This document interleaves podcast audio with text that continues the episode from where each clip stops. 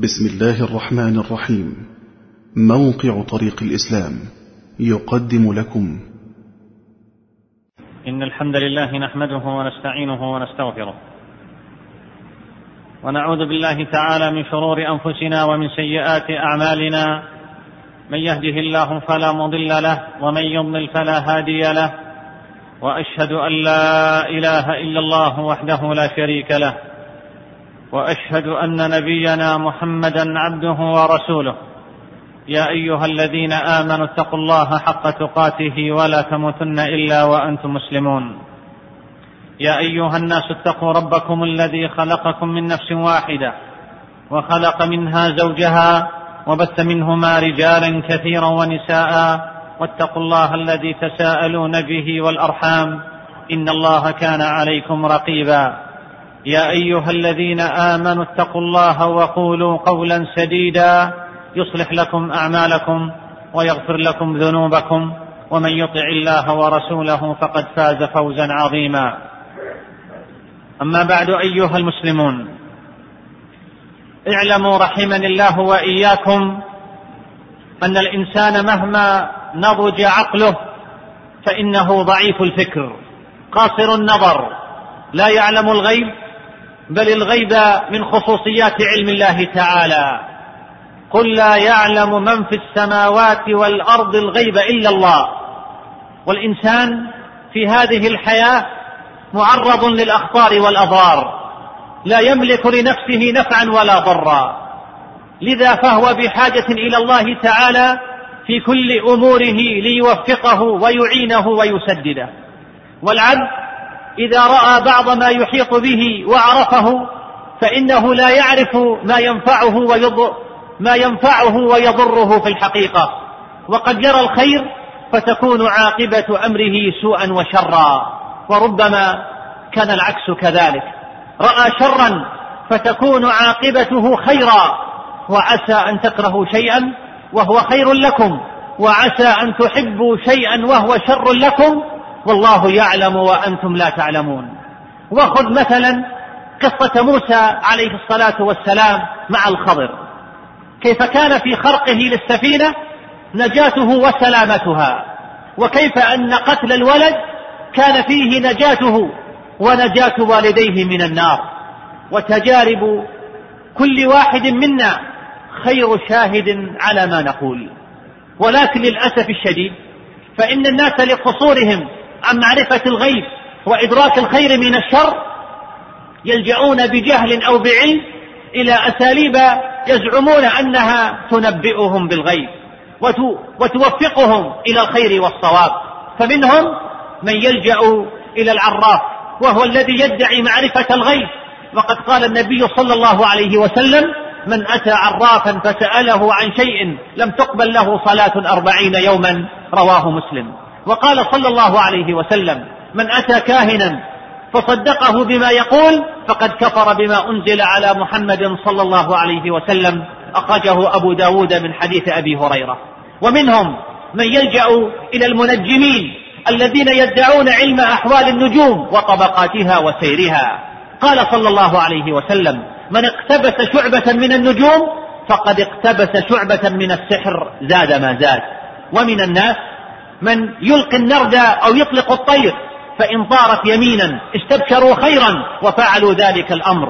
وإن طارت شمالا تشاءموا وتركوه ورسولنا صلى الله عليه وسلم يقول لا عدوى ولا طيرة وقال صلى الله عليه وسلم من ردته الطيرة عن حاجته فقد أشرك. قالوا فما كفارة ذلك يا رسول الله؟ قال أن تقول اللهم لا خير إلا خيرك ولا طير إلا طيرك. ولا إله غيرك. رواه الإمام أحمد. ومن الناس من يقرأ الكف ومنهم من يقرأ الفنجان.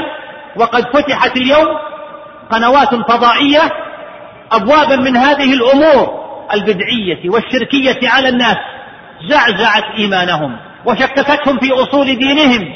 يخرج أحدهم على الشاشة ثم تنهال عليه الأسئلة. والرجل وأحيانا تكون امرأة تجيب وتخوض في أمور هي من خصائص علم الله عز وجل.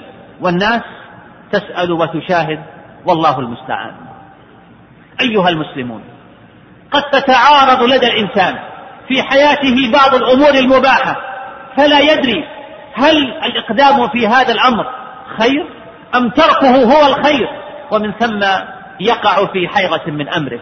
لذلك لذلك شرعت الاستخارة حتى حتى لا يضطرب عليه أمره ولا تطول ظلمته فالحمد لله الحمد لله الذي شرع لنا صلاة الاستخارة ونزه عقولنا عن كل هذه الترهات والسفاهات والشعوذات والشركيات وربط قلوبنا برب الأرض والسماوات العليم بمواطن الشر ومواطن الخيرات. ومن شدة الاهتمام بالاستخارة وكمال الاعتناء بها جعل النبي صلى الله عليه وسلم يعلمها لأصحابه مثل ما كان يعلمهم السورة من القرآن لعظم نفعها. عن جابر بن عبد الله رضي الله عنهما قال كان رسول الله صلى الله عليه وسلم يعلمنا الاستخارة في الأمور كلها كما يعلمنا السورة من القرآن. يقول إذا هم أحدكم بالأمر فليركع ركعتين من غير الفريضة.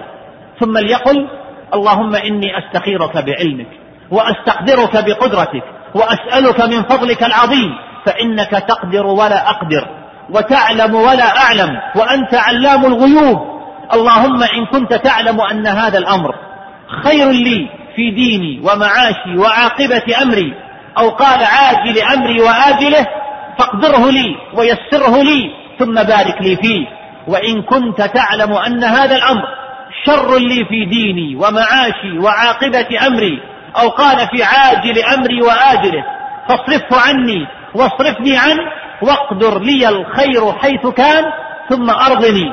قال ويسمي حاجته رواه البخاري في صحيحه. قال الشوكاني رحمه الله هذا الحديث يدل على مشروعية صلاة الاستخارة والدعاء بعدها ولا أعلم في ذلك خلافا. وقال العلامة شمس الدين ابن القيم رحمه الله تعالى.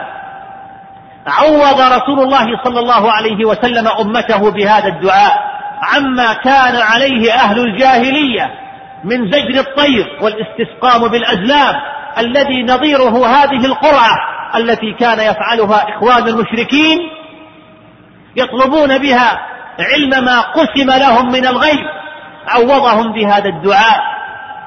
الذي هو توحيد وافتقار وعبودية وتوكل وسؤال لمن بيده الخير كله الذي لا يأتي بالحسنات إلا هو ولا يصرف السيئات إلا هو الذي إذا فتح لعبيده رحمة لم يستطع أحد حبسها عنه وإن أمسكها لم يستطع أحد إرسالها إليه من التطير والتنجيل واختيار الطالع ونحوه فهذا الدعاء هو الطالع الميمون السعيد طالع أهل السعادة والتوفيق الذين سبقت لهم من الله الحسنى. انتهى كلام الإمام ابن القيم رحمه الله تعالى. أيها المسلمون الاستخارة هي طلب التوفيق من الله تعالى والاستعانة به وتفويض الأمر إليه في جلب الخير ودفع الشر. فالاستخارة تكون في الأمور التي لا يدري الإنسان وجه الصواب فيها.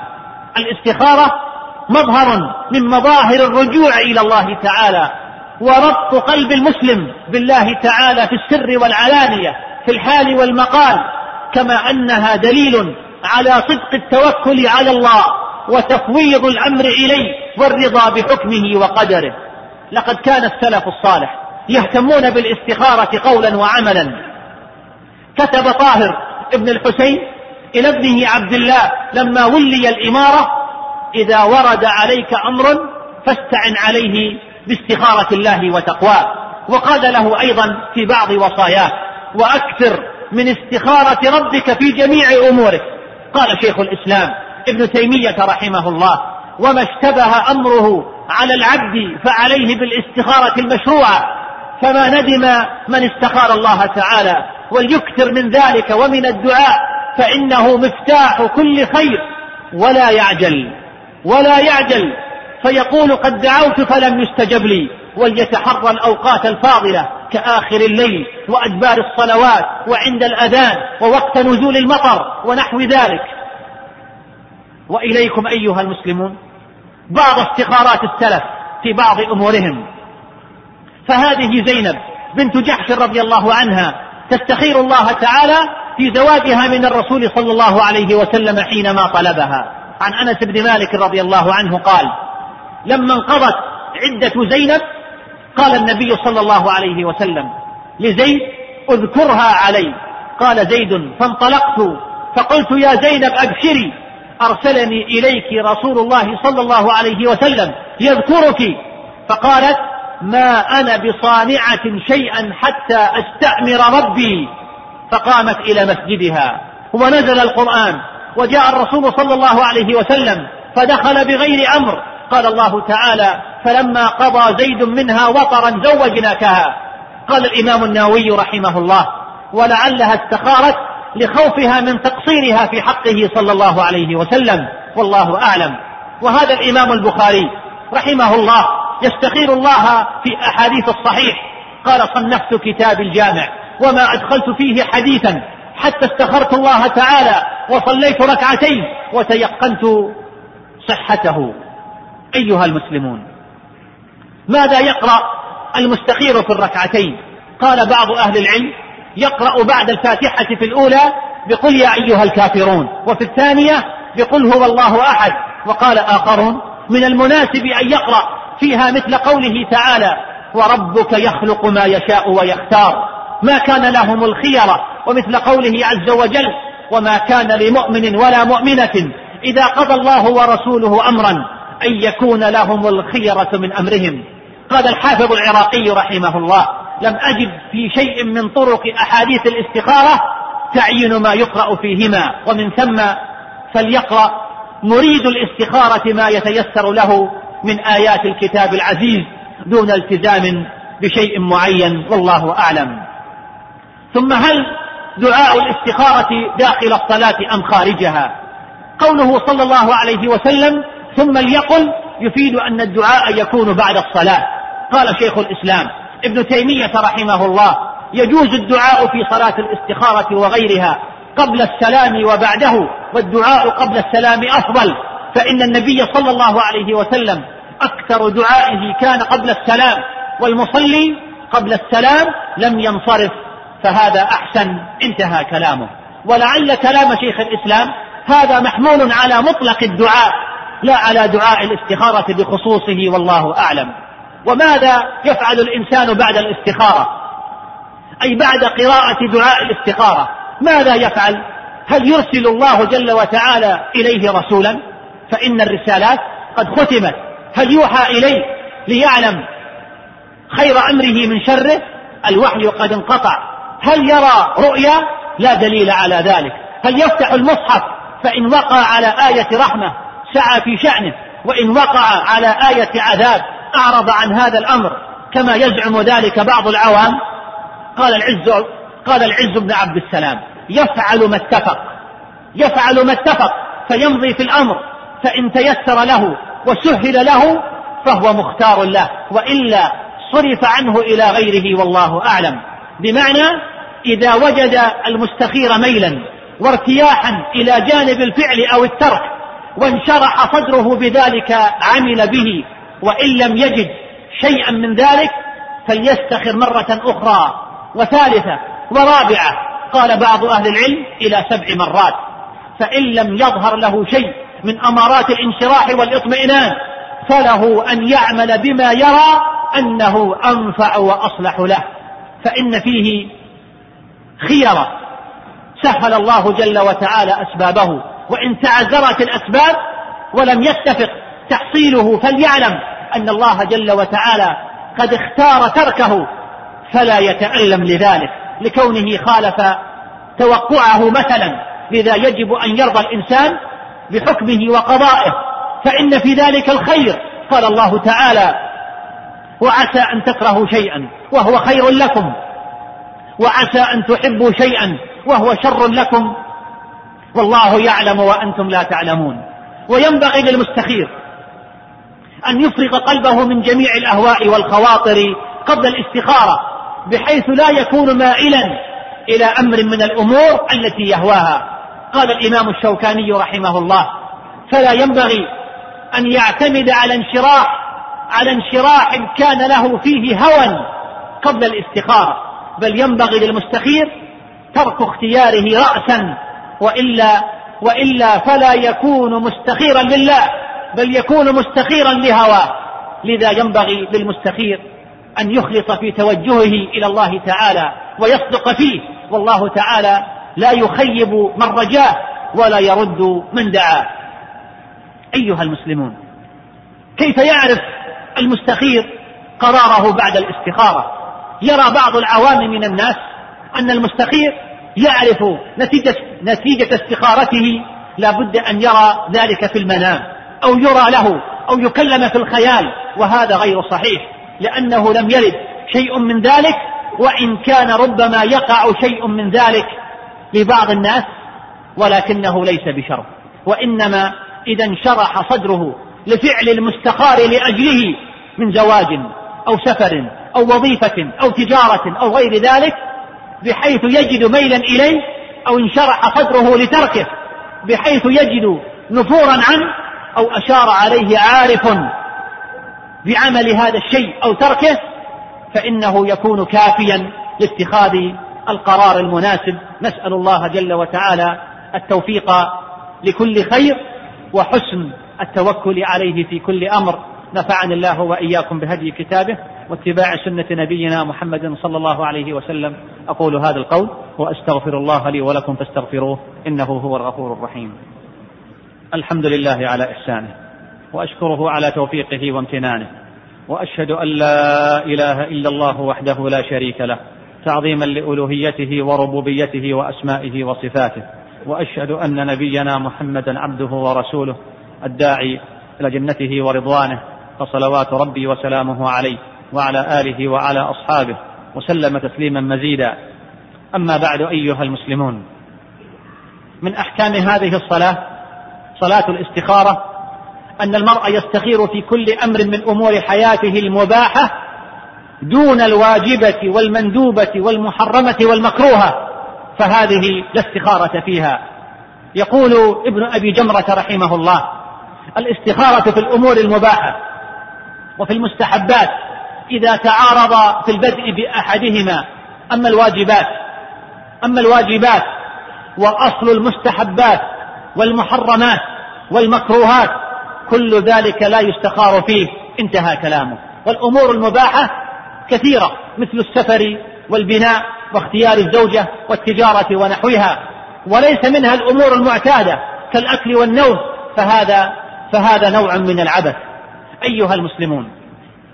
لم يعين النبي صلى الله عليه وسلم لصلاة الاستخارة وقتا معينا فذهب جمع من أهل العلم إلى جوازها في كل وقت إلا أن الأكثرين على أنها لا تفعل في أوقات النهي. والأولى أن يكون دعاء الاستخارة بعد صلاة ركعتين خاصتين به لكن لا مانع من أن يكون بعد أي نافلة إذا دخلها ناويا لذلك. يقول النووي رحمه الله لو دعا الدعاء بعد راتبة الظهر مثلا أو غيرها من النوافل الراتبة والمطلقة سواء اقتصر على ركعتين أو أكثر جاز ذلك. لكن بشرط أن يدخل الصلاة وفي نيته أن يستخير بعدها. أيها المسلمون والحكمة في تقديم الصلاة على الدعاء في صلاة الاستخارة والله أعلم أن المراد بالاستخارة حصول الجمع بين خيري الدنيا والآخرة فيحتاج إلى قرع باب الملك ولا شيء لذلك أنجع ولا أنجح من الصلاة لما فيها من تعظيم الله جل وعز والثناء عليه والافتقار إليه مآلا وحالا. أيها المسلمون الاستخارة دليل على تعلق قلب المؤمن بالله في سائر أحواله. الاستخارة ترفع الروح المعنوية للمستخير فتجعله واثقا من نصر الله جل وتعالى له. في الاستخارة تعظيم لله وثناء عليه. في الاستخارة مخرج من الحيرة والشك وهي مدعاة للطمأنينة وراحة البال. في الاستخارة امتثال للسنة النبوية وتطبيق لها. في الاستخارة تحقيق التوحيد ونبذ الشرك والخرافة وهي عبادة في نفسها فهي صلاة ودعاء. والنبي صلى الله عليه وسلم يقول واعلموا أن خير أعمالكم الصلاة. في الاستخارة الإقرار بأسماء الله وصفاته ودعاؤه بها من علم وقدرة وفضل عظيم.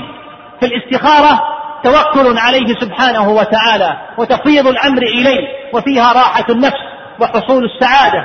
وغيرها من الفوائد ومن جرب ومن جرب عرف. إن الله وملائكته يصلون على النبي. يا أيها الذين آمنوا صلوا عليه وسلموا تسليما. اللهم صل وسلم على عبدك ورسولك نبينا محمد. وارض اللهم عن خلفائه أربعة. أبي بكر وعمر وعثمان وعلي. وعن الصحابة أجمعين. وعن التابعين وتابعيهم ومن تبعهم بإحسان إلى يوم الدين. وعنا معهم بعفوك ومنك وكرمك وجودك وإحسانك يا أرحم الراحمين. اللهم أعز الإسلام وانصر المسلمين. اللهم أعز الإسلام وانصر المسلمين. اللهم أعز الإسلام وانصر المسلمين. وأذل الشرك واخذل المشركين. ودمر أعداءك أعداء الدين من اليهود والنصارى والروافض والعلمانيين وغيرهم. واجعل هذا البلد آمنا مطمئنا وسائر بلاد المسلمين. اللهم اشرح بالإيمان صدورنا. اللهم اشرح بالإيمان صدورنا وتول أمرنا واختر لنا ولا تكلنا إلى اختيارنا. اللهم أصلح لنا ديننا الذي هو عصمة أمرنا وأصلح لنا دنيانا التي فيها معاشنا وأصلح لنا آخرتنا التي إليها معادنا. واجعل الحياة واجعل الحياة زيادة لنا في كل خير والموت راحة لنا من كل شر. اللهم إنا عبيدك بنو عبيدك بنو إمائك نواصينا بيدك ماض فينا حكمك عدل فينا قضاؤك نسألك اللهم بكل اسم هو لك سميت به نفسك أو أنزلته في كتابك أو علمته أحدا من خلقك أو استأثرت به في علم الغيب عندك أن تجعل القرآن العظيم ربيع قلوبنا ونور صدورنا وجلاء أحزاننا وذهاب همومنا وغمومنا اللهم اغفر لآبائنا اللهم اغفر لآبائنا واغفر اللهم لأمهاتنا وعلمائنا وسائر قراباتنا. اللهم اشف مرضانا ومرضى المسلمين وعاف المبتلين واقض الدين عن المدينين وفرج كرب المكروبين. اللهم اجعل لنا ولكل مسلم ومسلمة من كل هم فرجا ومن كل ضيق مخرجا ومن كل بلاء عافية. ربنا آتنا في الدنيا حسنة وفي الآخرة حسنة وقنا عذاب النار. سبحان ربك رب العزة عما يصفون. وسلام على المرسلين والحمد لله رب العالمين وآخر دعوانا أن الحمد لله رب العالمين. مع تحيات إخوانكم في موقع طريق الإسلام www.islamway.com والسلام عليكم ورحمة الله وبركاته.